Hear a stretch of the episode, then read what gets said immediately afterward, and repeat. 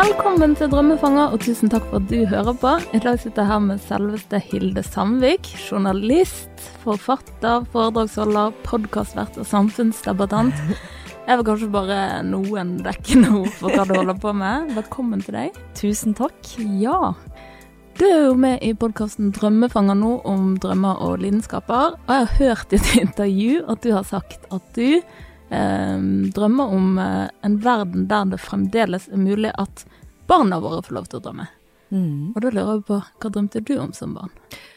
Å, vet du hva, jeg husker et av mine aller tidligste eh, minner. Eh, sikkert fordi at jeg har blitt påminnet det noen ganger, så tror jeg at jeg husker dette sjøl. Men jeg tror jeg var fire år og sa at når jeg ble voksen, så skulle jeg enten bli misjonær eller ei dame som danser med lite klær. Ja. Vil du utdype den siste? og, og jeg tenker sånn, ok, altså jeg, jeg har kanskje blitt en liten kombinasjon, da. Jeg har klær på fremdeles, men jeg tror, jeg tror kanskje um, Kanskje det sa litt om spennet, da. Altså eh, at det var så veldig mange ting jeg hadde lyst til å gjøre. Ja. Uh, og jeg levde meg inn i mange fantasiverdener. I perioder så kunne jeg liksom mure meg inne på rom eh, og lage meg 1800-tallet, og bare bodde der og bare kledd meg i 1800-tallsklær. Det kunne jeg gjøre ei uke, og så kunne jeg drive og grave ut i skogen neste.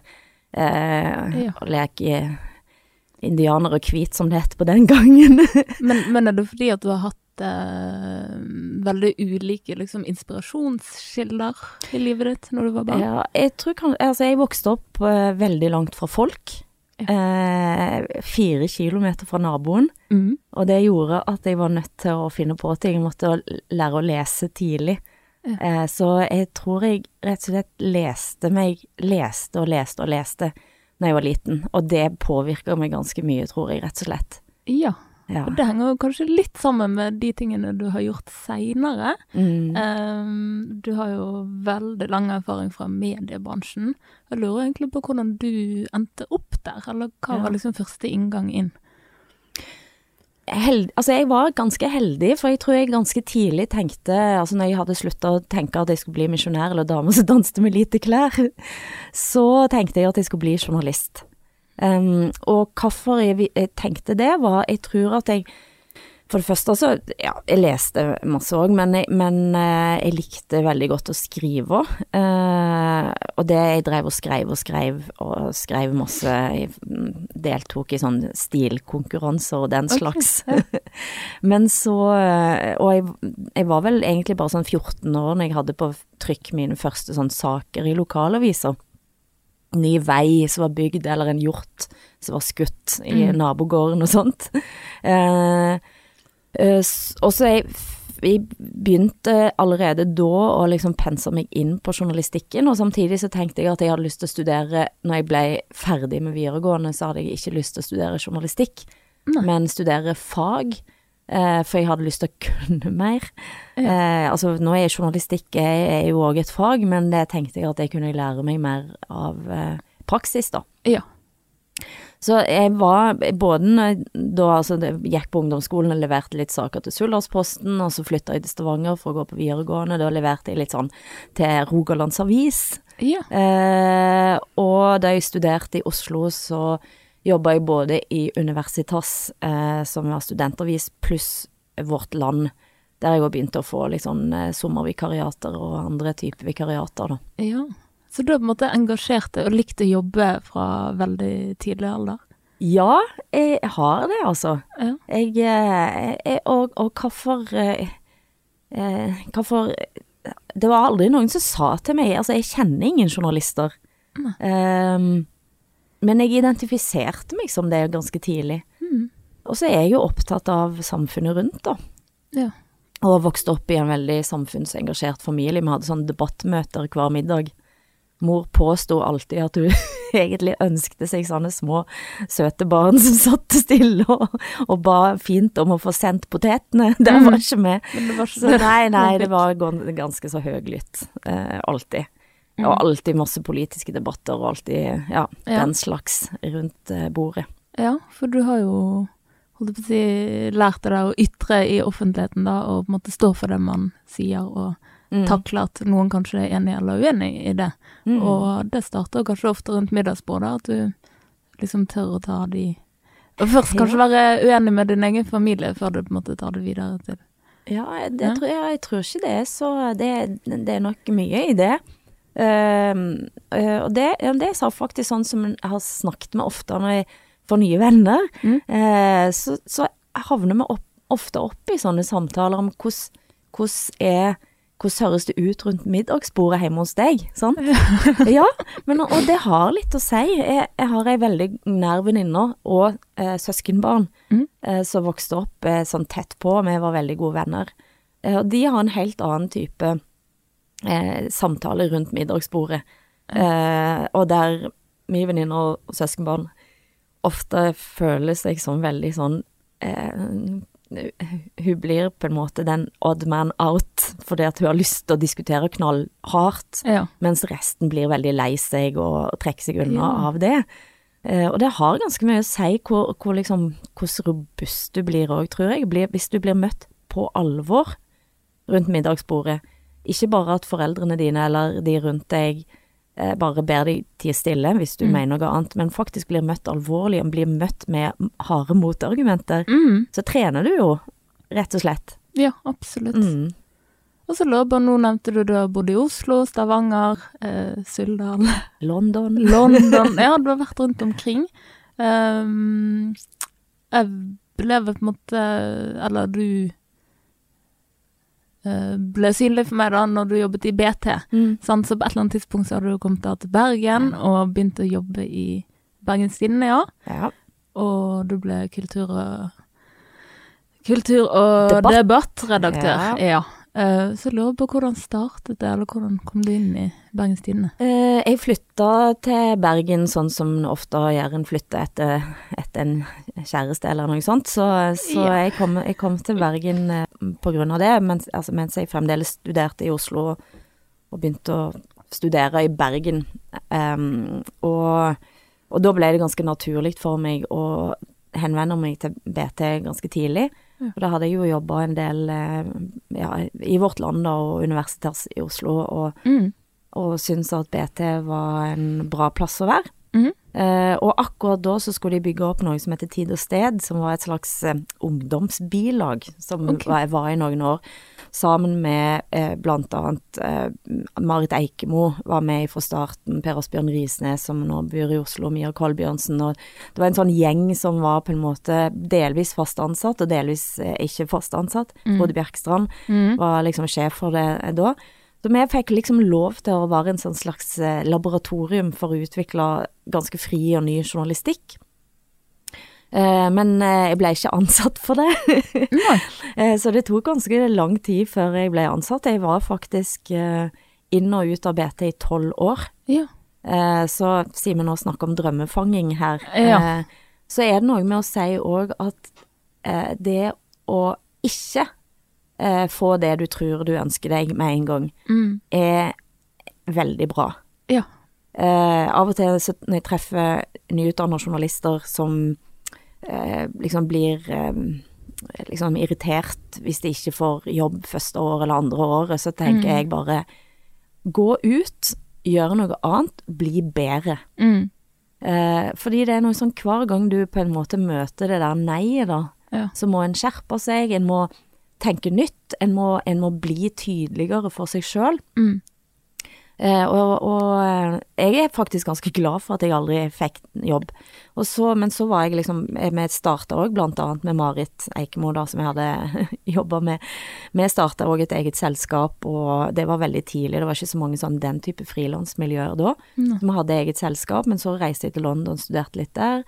Så var jeg tidsskriftredaktør, og ble spurt i den perioden om jeg ville være eh, sommerdebattredaktør i Dagbladet. Oi. Akkurat da var jeg gravid, Ja. og så sa jeg at ja, men ring igjen neste år, og så tenkte jeg det kommer de jo sikkert ikke til å gjøre, eh, Mm. for at jeg skulle da få et barn midt, midt oppi det. Ja. Eh, men de ringte tilbake neste år. ja. Men da hadde de bestemt seg, da? Ja, og da var jeg der en sommer, og da var BT sånn å, Det er jo ofte det som skjer, da. Å å ja, det, sånn, kunne brukes til Ja, nettopp, sant. Eh, og, da, og da ble jeg faktisk eh, Da fikk jeg, når jeg kom tilbake igjen da, så fikk jeg tilbud om eh, et slags prosjekt. Som, Mm.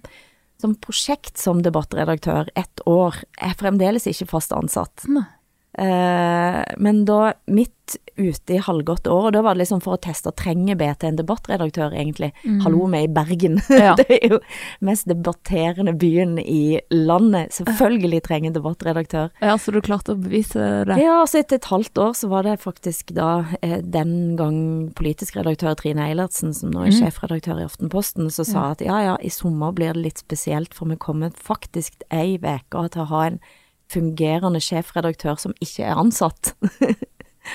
Og det ble litt sånn, det kan, det kan en ikke ha. Nei. Så da eh, fant jeg en hjemmel i ei skuff, ja. og da fikk jeg ansettelse, da. Ja. Men det Hvordan føltes mange det? år. Husker du følelsen? Eh, nei, men altså eh, For meg så har det aldri egentlig vært veldig viktig å være fast ansatt.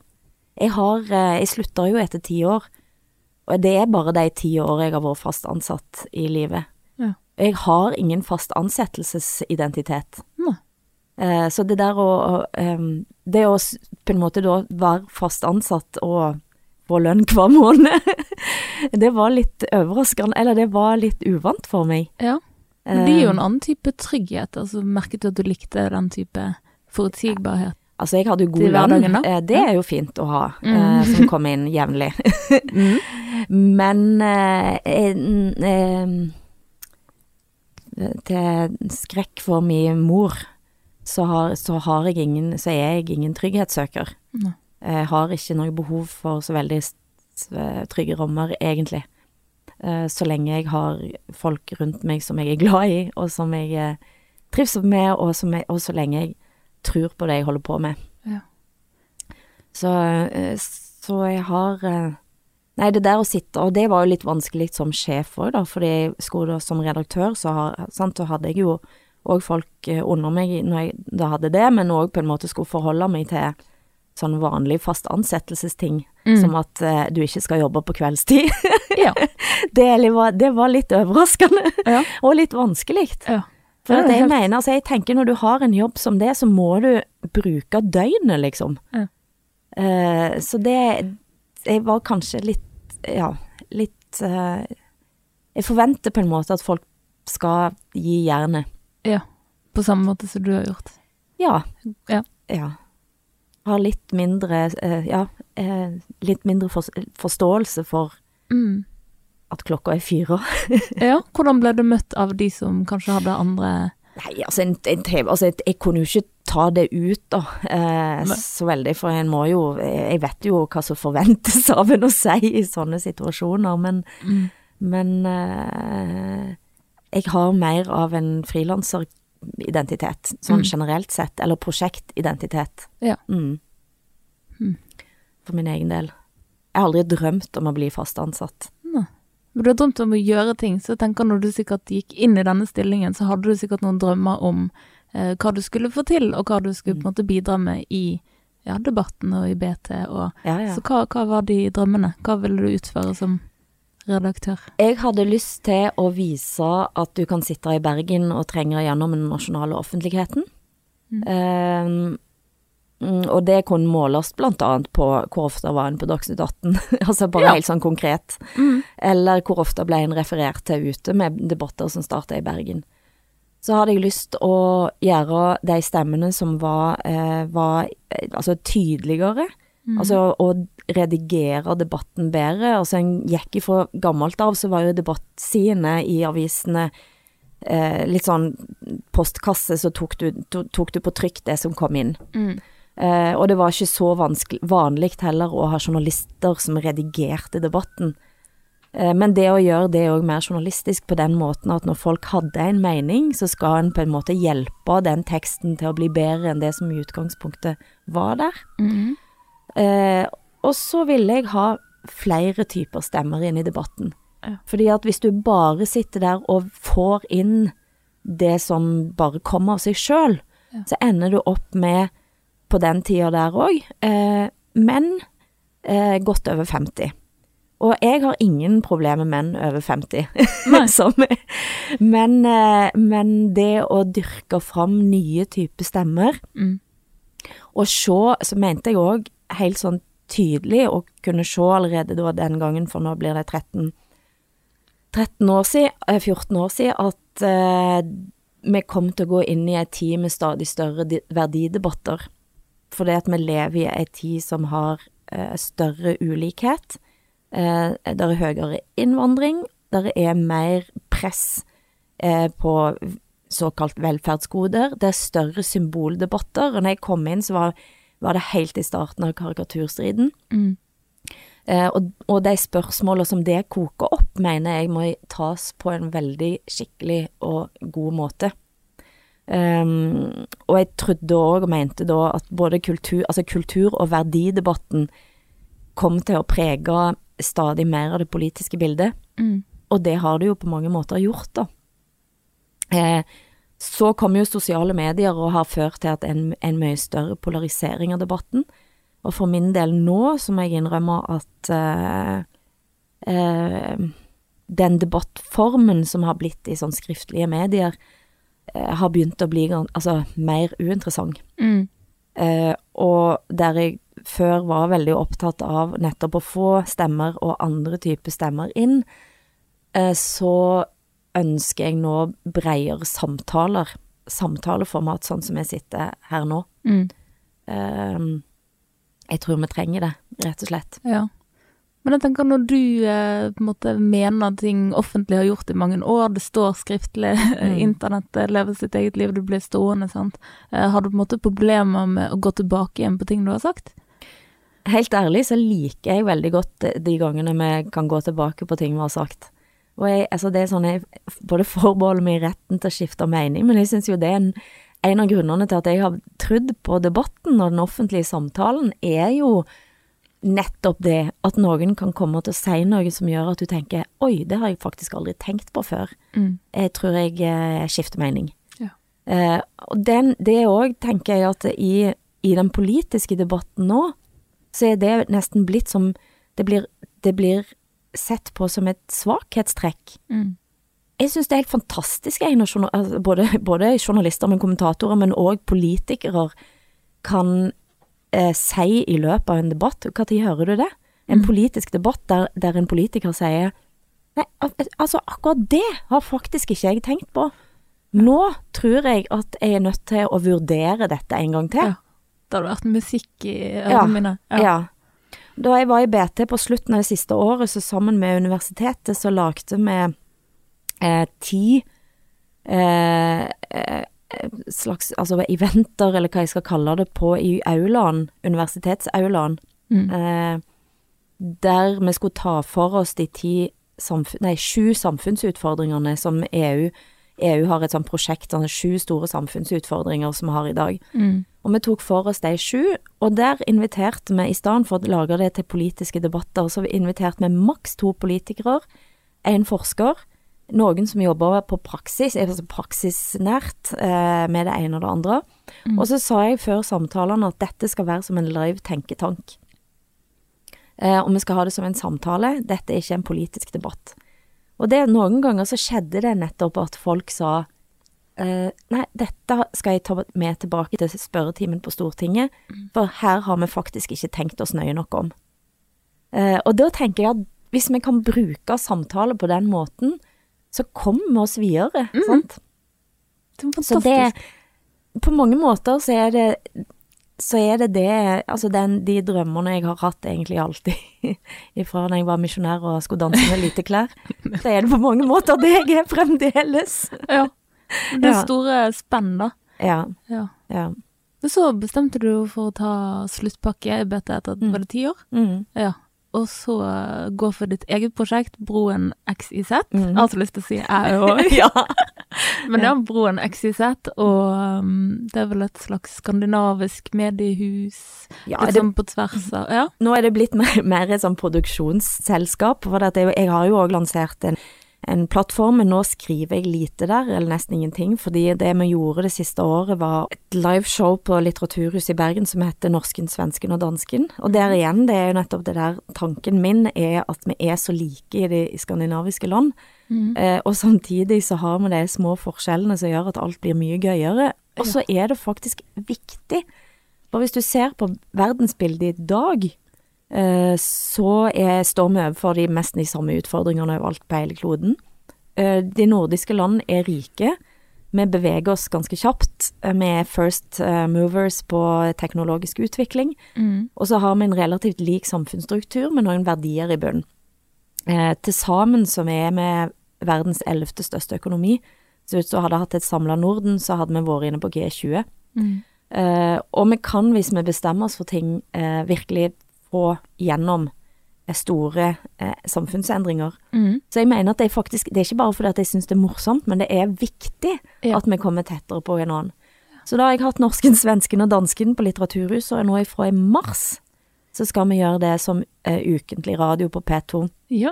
Med en fast danske eh, som heter Hassan Preisler, og mm. en fast svenske som er Åsa Linderborg, Mm. som i Norge er veldig kjent for, og både som kulturredaktør i Aftonbladet, men som har skrevet flere bøker, og ja, Mm. som mange har lest. Mm. Og da skal vi nettopp eh, se det som Hassan pleier å si, vi er som et sånn eh, skandinavisk familieterapi der vi snakker om de dysfunksjonelle medlemmene våre der hjemme. Ja.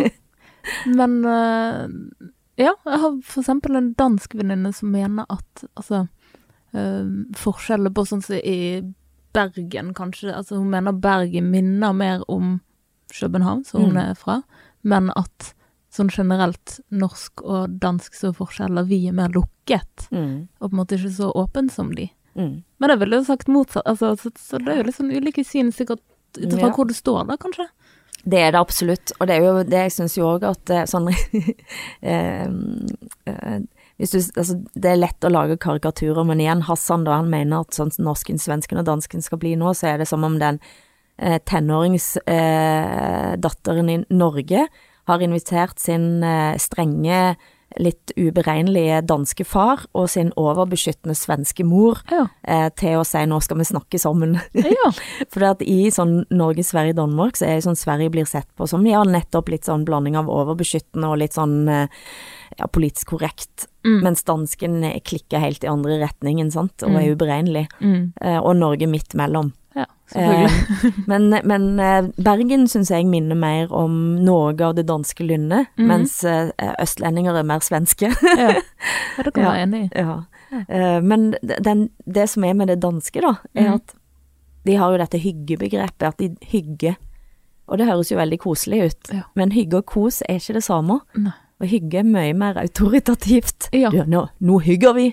Sånn, Mm. Det er en sånn, og da, da skal på en måte egentlig folk gjøre det samme. Ja. mm. Men det har jo Det var kanskje i Skam jeg faktisk lærte litt forskjell på de to. Ja. Faktisk. Ja, ja. Skam har det. Og skam er jo gøy, for det fikk jo da dansker og svensker som trodde de ikke forsto norsk, til plutselig å forstå. Mhm. Når de ville, Ja. så forstår de. Ja, ja, Eh, og det er gøy.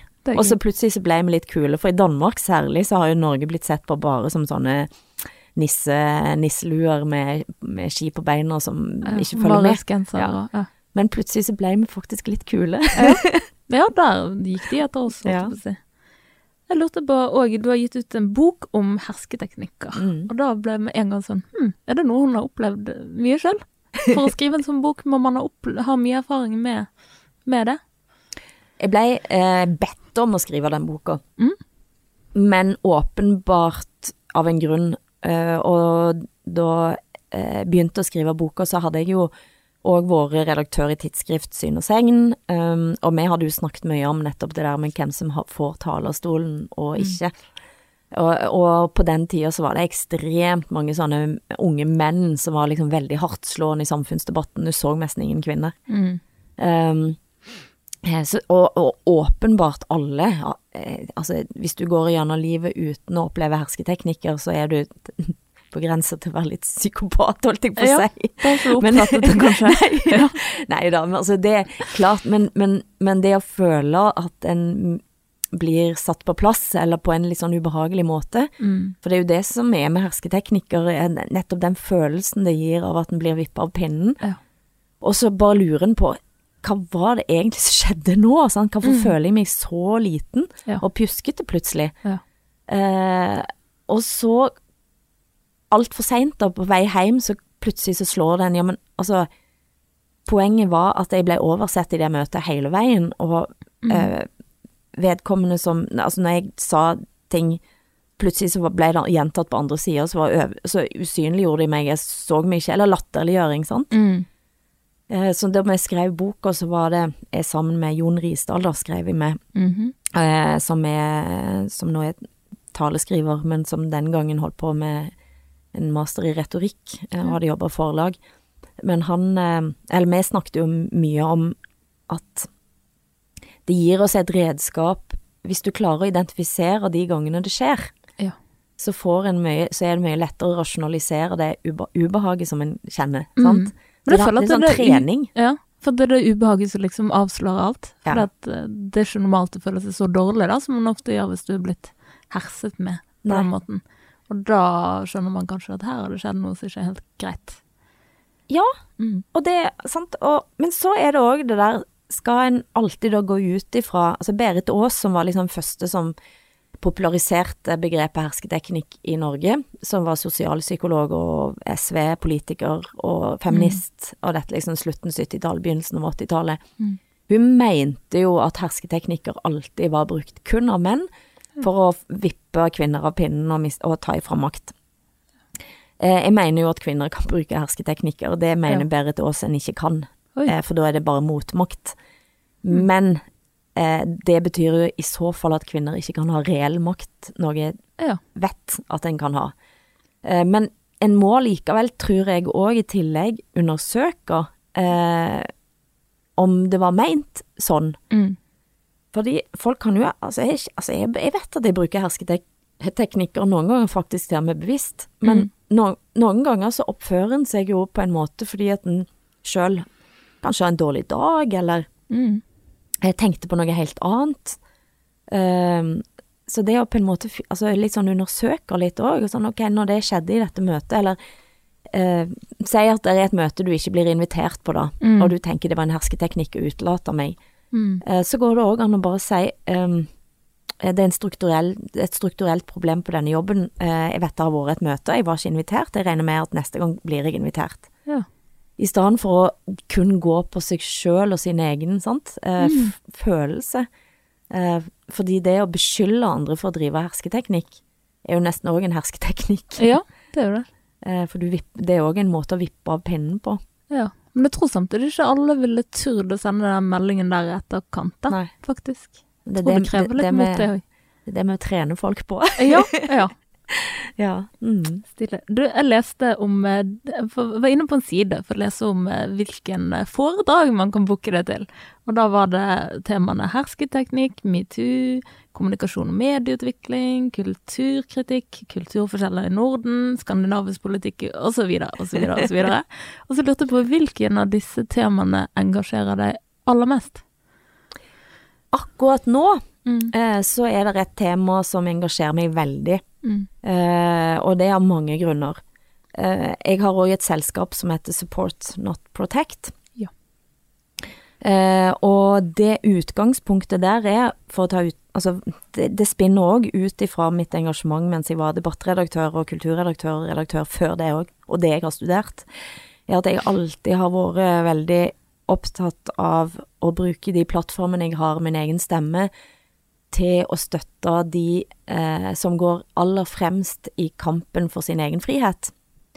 Eh, og det betyr eksempel at jeg har, ja, jeg har skrevet en del om sosial kontroll, eksempel. Negativ sosial kontroll, og, og, og ble kjent med og publiserte og skrev om eh, sånn, altså de tøffe Kadra Yusuf og Shaba- Shabana Rehman og Amal Aden og, og de jentene som har gjort en veldig, veldig stor kamp på vegne av seg sjøl og mange andre.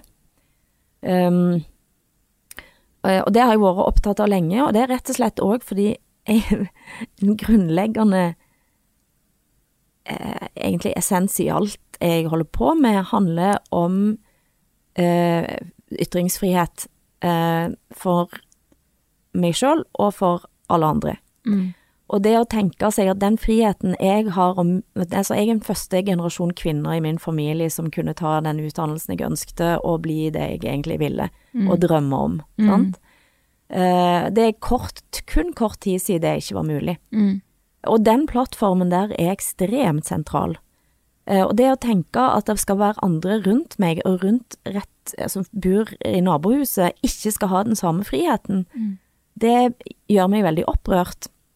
Derfor så har jeg alltid vært opptatt av den kvinnekampen. Mm. Uh, og jeg studerte Midtøsten-historie på 90-tallet og skrev om hijab i Egypt. Jeg var sånn veldig opptatt av, av å se liksom òg Jeg kom fra en, en, en kristen eh, familie i relativt konservativt miljø, men jeg kan se liksom òg hva type makt som ligger i religion. Mm. Eh, Men det betyr òg at jeg har ikke noe berøringsangst for å ta opp spørsmål som er knytta til, ja, men til, til religion og, og makt, sant.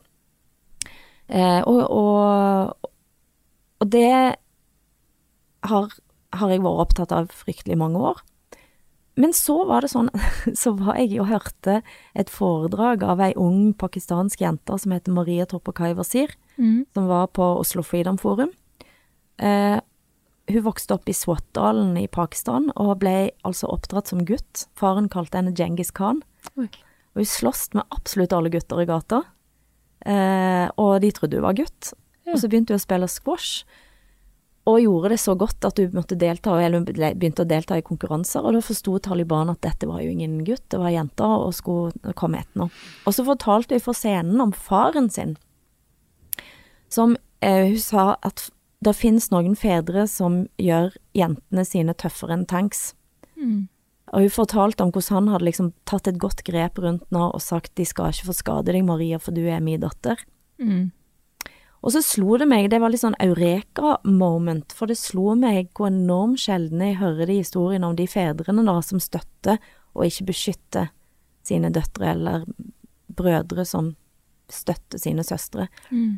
Og så har jeg blitt kjent med eh, noen veldig, veldig tøffe kvinner her i byen, Leila Rossov og Mona Ibrahim Ahmed. Mm. Um, og til sammen, og vi har, for å gjøre en ganske lang historie litt kortere, så starta vi et kampanjeselskap som heter rett og slett Support Not Protect, der vi inviterer brødre inn i samtalen om sosial kontroll. Mm. Eh, og ut fra den tanken at hvis ikke vi tar med guttene inn Mm. i denne kampen, så kan jo jentene stå på den scenen i tusen år. Ja. Brødrene skal bli fedre, de skal Altså, de Mm. Kanskje, sant?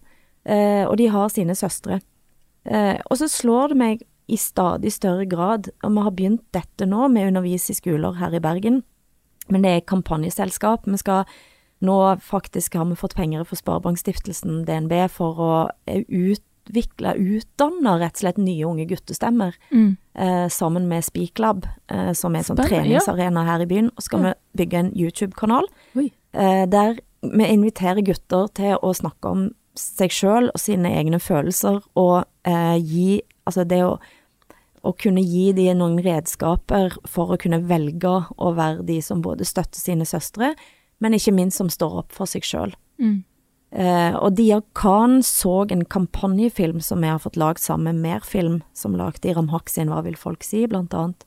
Og Dia Khan, som er jo filmskaper og, og har sjøl en veldig støttende bror, Adil Khan, Mm. hun begynte, Ja. hun, hun begynte faktisk å grine når hun så vår kampanjefilm, og så sa hun We only look upon these brothers as perpetrators. Mm. Uh, og for meg nå så er det Altså, det som jeg virkelig brenner for, er at vi må begynne å stille oss spørsmål til guttene. Ja. For gutter, eh, altså, og gutter med flerkulturell bakgrunn, eh, er de som er toppe statistikker på dropouts eller på eller også kriminalitetsstatistikker, sant. Det er kanskje de mest marginaliserte. Og så slår det meg stadig vekk at vi aldri Altså, det er en sånn En stiller aldri spørsmål direkte hvem er de, og hvem vil du være? Og en av de guttene som jobber med oss, eh, en fantastisk eh, gutt, 20 år, Moshin El Kamlishi, Ja. eh, som sier eh, Altså, jeg er ikke fri før min søster er fri. Mm. For dette er virkelig en stor frihetskamp for, for gutter. Eh, og, og gi de mulighet til å kunne velge. Mm. Og vi var nettopp, nå snakker jeg mye, men, men dette er jeg så Ja, engasjert i. Ja. Var, vi var nettopp på en stor eh, konferanse ute på Flesland, eh, der det var masse folk fra politiet, helsevesen, barnevernet, helsearbeidere osv., der vi både Support Not Protect fikk presentert seg sjøl, men der jeg òg inviterte til en rundebordsamtale med Moshin blant annet, og Mm. Mona og, og, og flere som jobba i politi og helsevesen og, og helsesøster og barnevernet. Og hun som var fra barnevernet sa rundt det bordet der at når vi satt der og snakka, så slo det henne at hun jobber med masse jenter, som for eksempel da er utstøtt av sine familier. Mm. Eh, og ei av de jentene har en bror som eh, fikk beskjed da han var fem år gammel at han skulle spytte på sin søster. Mm. Og så sier hun fra barnevernet med sånn, det er først når jeg sitter her nå, og vi sitter og snakker om dette, at det slår meg at jeg aldri har spurt han om hva det gjorde med han. Ja. Sant?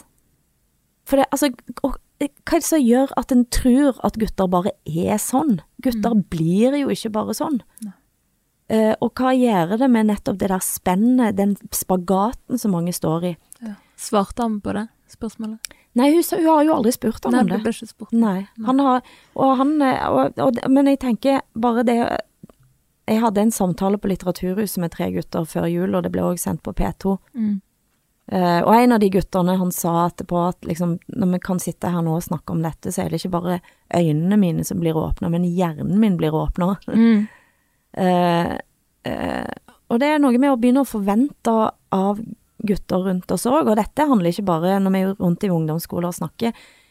Tenker forholdet mellom det å beskytte noen rundt deg og det å støtte Mm. er ekstremt sentralt. Det er sentralt i all barneoppdragelse. Jeg tror det er altfor mange foreldre i øyeblikket som eh, beskytter ungene sine, Ja. eh, og ikke gjør en i stand til å stå på egne bein, Mm. og til å drømme. ja. Mm. Da fikk jeg litt nytt å tenke på òg. Ja. Sant, dette med å støtte og beskytte. Jeg har ikke tenkt eh, helt i de banene at det er stor forskjell på det, faktisk. Er, hun som har lagt logoen til Support Not Protect, Mm. er fra Iran. Ja. eh, Donna Lakayan. Hun er fortalte, altså når jeg fortalte henne den historien om grunnen til at vi gjør dette, Ja. eh, så ble hun helt eh, Hun òg ble sånn helt rørt, og, og sa at hun husker sin smerte og kjenner sin brors smerte, og ville lage en logo som var en bånd mellom hans og hennes smerte. Mm. Og hun lagde en logo det det, for å tenke på forholdet mellom beskytter og støtte. Den logoen den er en strek, som en, en vertikal strek, og så går det en bue opp.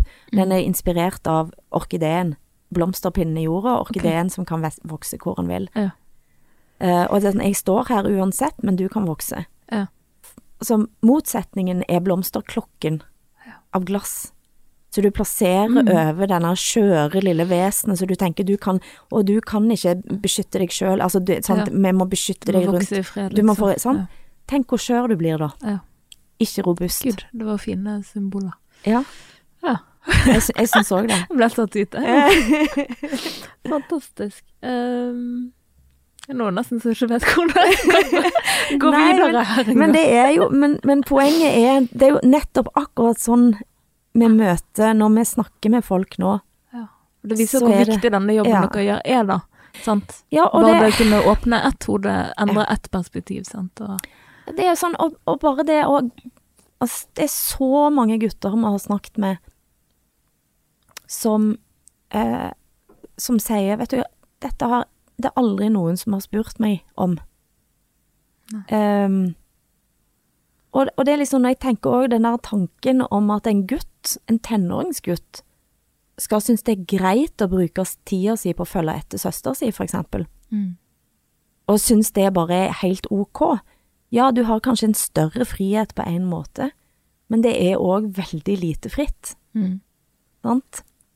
Og, hva, og det der, men, men òg liksom Hvem vil en være for venner, eller Mm. folk en kjenner godt, eller familie? Hva er det i realiteten å støtte, sant? Mm. Eh, jo, det kan av og til være sånn at du støtter barnet ditt til å gjøre noe som du sjøl syns er skummelt, Mm. Men allikevel si at ok, jeg tror på deg, sant? Mm. Hvis du faller nå, så skal jeg holde deg. Men, eh, men, men jeg skal ikke hindre deg i å prøve. Selvfølgelig, noen ting skal en jo, trenger en jo på en eller annen måte beskyttelse mot, og når en er lite barn, så, så må, må en jo på mange måter det. Men, eh, og det er jeg er ekstremt opptatt av, det, så jeg er enormt opptatt av å få gutter inn i disse samtalene. Ja. Mm. Akkurat det der med støtte, så tenker jeg um, Jeg vet ikke om du har hørt om disse fem kjærlighetsspråkene, det har du helt sikkert. ba, Fått med deg. li, bare litt. Ja, litt, sant. Men Mm. det er jo det liksom hvordan gir man kjærlighet, og hvordan blir det oppfattet og mottatt, sant. Og Ja. at man kanskje kan gi kjærlighet på den måten man sjøl liker å få det, Ja. men at det ikke blir oppfattet av den andre, fordi at den har Og sånn tror jeg det er liksom med støtte òg, at man kan gi støtte på den måten man sjøl har fått oppleve støtte, men at det kanskje ikke blir oppfattet av en fra en annen bakgrunn, kultur. Um, at det er mye sånt som Ah. spiller inn, da. ja. Um, ja, det er veldig interessant for det å kunne føle seg støttet, at noen støtter deg kanskje uten at du oppfatter at de har støttet deg. Jeg har i hvert fall støtt Ja. på ja, det sjøl, ja. med folk som har følt ikke har støttet meg, og så har de på en måte gjort det på sin måte uten at jeg har fanget opp. Det er interessant, og jeg, jeg, jeg tror alle de her samtalene her kan føre til òg at en blir kommet nærmere på hva en trenger òg, da. Ja. Og hva en trenger fra omverdenen. Mm. Um, det, men du, du, du har nok helt rett i det. Og, og vi har jo store planer. Vi begynner jo her i Bergen, og, og Bergen er interessant for det er den faktisk den eneste nummer to-byen i hele Norden som ikke har kjempestore utfordringer med det som de i Danmark snakker om som gettoer, sant, eller Mm. parallellsamfunn. Ja. Så vi har en kjempestor mulighet til å lage noen modeller her. Mm. Eh, og så har vi faktisk, jeg, da jeg googla 'Support Not Protect' første gang, så fantes det ikke et eneste treff på hele internettet. Oi, Så vi har faktisk varemerkebeskytter det hele verden. Copyrighta det. utrolig. Hm. Det skulle jeg faktisk ikke tenkt. Jeg ville trodd at det var noe Ja. Brukt Ja. et eller annet sted. da. Ja, det, og det høres ut som noe som fins. Det høres ut som noe som fins. Men nå, nå fins det. Nå finnes det jo, sant. Herregud. Ja. Så vi vil jo ut i verden. Ja. Altså, og det er jo òg noe med um, Det er ureligiøst, det er upolitisk, Mm. det handler om søsken. Ja. Det handler om forholdet ditt til bror din, eller ditt til de jeg har søster. Mm. Som gjør òg, tenker jeg, at det treffer veldig bredt, da. Vi har jo hatt sånne seanser der vi har snakket om dette, der ja, altså, godt voksne kvinner, eh, født og oppvokst i Norge, har kommet og bare stått og grått og grått og sagt, snakket om sin egen bror. Mm. Eller brødre som har gjort det samme. Altså, det på en eller annen måte treffer. Mm. For det er spesielt bånd òg, da. Ja. Ja. Søskenforhold er jo Og så er det en farlig kjærlighet Nei, det er ufarlig kjærlighet, sant. Det er ikke en eh, Ja. det, det er liksom ikke, ikke erotikk, det er ikke noen andre farligere ting i det, sant. Nei, nei, nei. Litt Som sånn ubetinget, lettere å snakke om. Ja. Mm. Så det Nå jobber jeg veldig mye med akkurat det. Ja. Og jeg mener jo det òg er sånn nordisk eh, prosjekt, da. Ja. ja, du går jo på tvers. Ja, for det det også er det noe med at vi har fått en ganske høy likestilling i Norge med, for kvinner. Eh, og da må kanskje Da må vi være de som tør å gå aller fremst òg når vi skal begynne å snakke om, og må snakke om, Mm. menn på en annen måte. Ja. Når det begynner å komme begrep som toxic masculinity Ja. i hele verden, Mm. men diskutere incels, sant? sinte menn, eh, så kan vi ikke som kvinner stå bare og le av det, eller og ikke tenke at det er seriøst. Mm. Det er ekstremt viktig. Fantastisk at du tar tak i det. Det er jeg glad for. Nå skal vi videre til spalte, så det er en dag livet til, og i dag skal vi finne ut hva Hilde Sandvik gjør til dagen. Så når står du opp om morgenen? Åh, åh, jeg er jo altfor Dette er jo flaut, jeg er sånn B-menneske. Nei, nei, altså jeg står opp mellom åtte og av og til ni. Faktisk såpass seint. Ja. Det er helt legit, Ja. tror jeg. Det er mange her som har stått opp eh, ja, 11-12 ja, men altså, det skjer. Det skjer. ja, i helgene. Ja. Jeg må innrømme det. Jeg elsker å ligge i senga og, og småjobbe eller ja, lese eller ja, Ja. gjøre det. Det er koselig. Hva sier du til deg sjøl i speilet om morgenen? Jeg sier veldig lite til meg sjøl. I, I speilet om morgenen, altså. Jeg er veldig rask på badet. Um, men jeg er, jeg er veldig fornøyd. Eh, med dagene, og, ekstremt ofte gleder jeg meg til det som jeg skal gjøre i løpet av en dag. Ikke alltid, selvsagt, men ganske ofte. Så bra. Og så, er, så, så tror jeg jeg veldig ofte kjenner meg privilegert, som eh, kan gripe fatt i så enormt mange problemstillinger som er så forskjellige, og at jeg kjenner så mye gode folk. Mm. mm. Du har et ekstra gir, eh, tror jeg. Hvem er den første du ringer til? Nei, det vet jeg ikke om jeg skal si. Det er hemmelig. Nei, det er hemmelig. Det er lov. Det, det sier noe, det òg. Hvilket ord bruker du mest i løpet av dagen?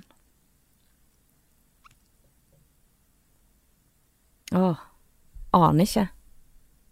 Ordet Anna ikke. Nei, jeg, altså jeg, jeg, jeg, mitt, altså det første ordet som datt opp, det, det, hø- det høres jeg altfor positiv ut, men jeg tenker ja da. Ja. Men eh, jeg vet jo ikke det, om det er det akkurat. Ja, men det kan jo hende. Ja. Det kan jo faktisk hende. Jeg tror jeg bruker det mye òg i løpet av en dag. Mm. Så, hva lager du til middag? Hvor er det når du spiser den, og hvem spiser du den med? Mm, jeg spiser sånn eh, Nei, jeg lager eh, Og det er jo selvsagt forskjellig, men jeg merker jo at jeg kjøper mindre og mindre kjøtt. Eh, og at jeg lager mer vegetar og litt fisk. Eh, og, og så bor jeg nå veldig tett på, på den eh, Coop-butikken på Bystasjonen, og det er veldig convenient, for der er det ganske mye mat. Ja.